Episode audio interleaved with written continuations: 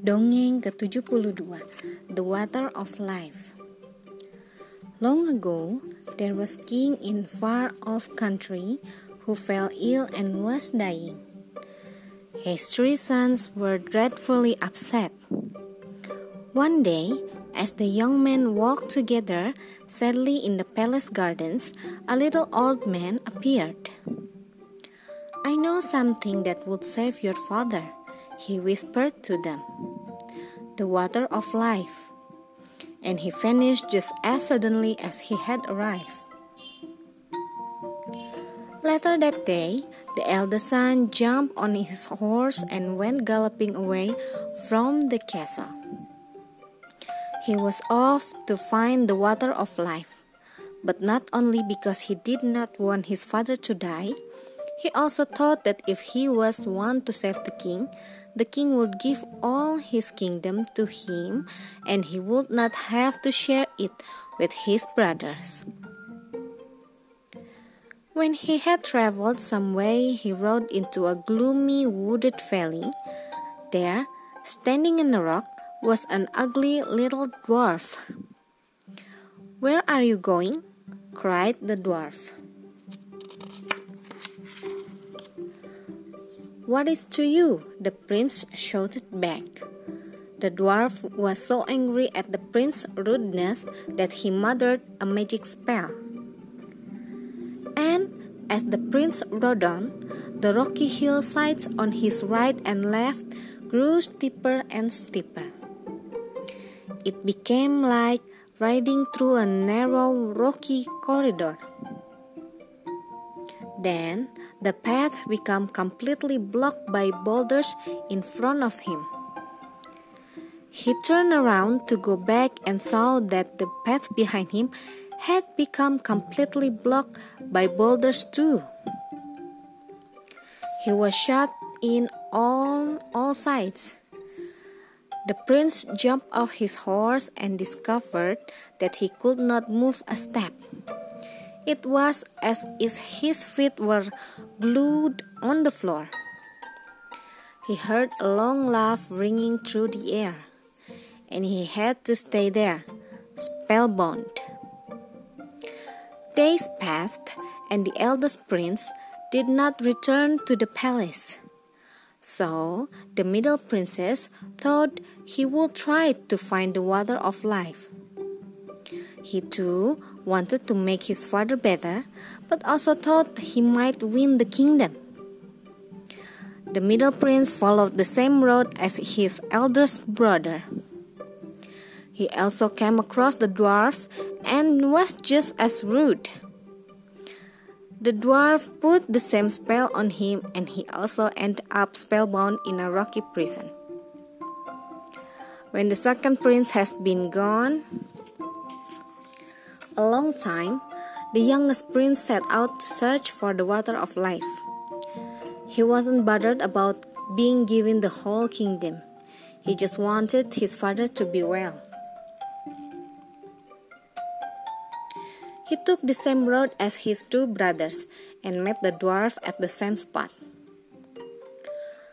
But when the ugly little man called out, Where are you going so fast? The prince replied, I'm searching for the water of life because my father's ill and going to die, but I have no idea where to find it. Please, can you help me? The dwarf was delighted that the prince had spoken so politely, and he said, You will find the water of life, springing from a well in an enchanted castle. Here is an iron wand. Where you reach the castle, hit the hit the door three times with it and it will open. And here are two little loaves of bread. Throw them to the lions waiting inside the door and they will not eat you up. Then hurry to fetch the water of life from the well.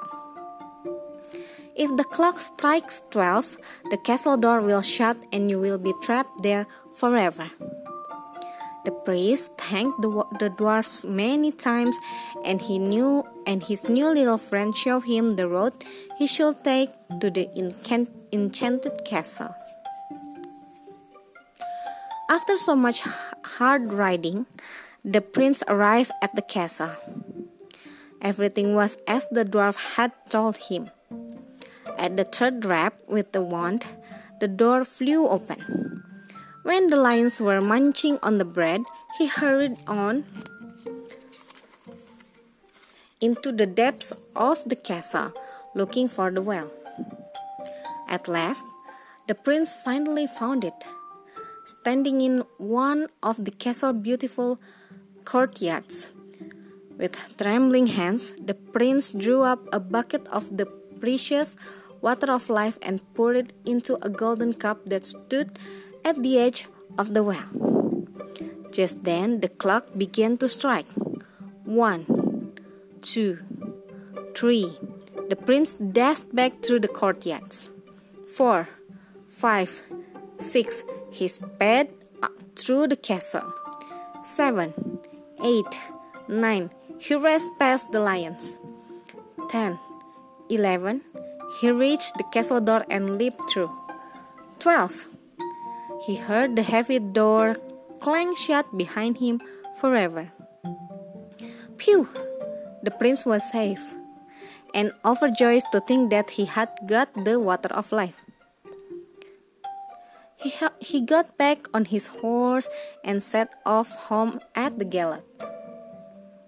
On the way, he passed the dwarfs once more. The prince thanked him heartily for his help and said, My dear friend, are you able to tell me where you, my last brothers are? The dwarf explained that had happened. Then he said, They have learned their lesson. They will not be rude again. And he kindly returned the prince's brothers to him.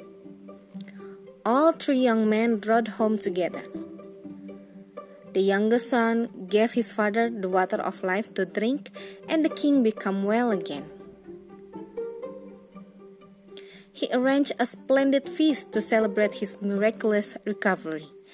And of course, the ugly little dwarf was the most important guest. The. Terima kasih telah mendengarkan. Selamat malam.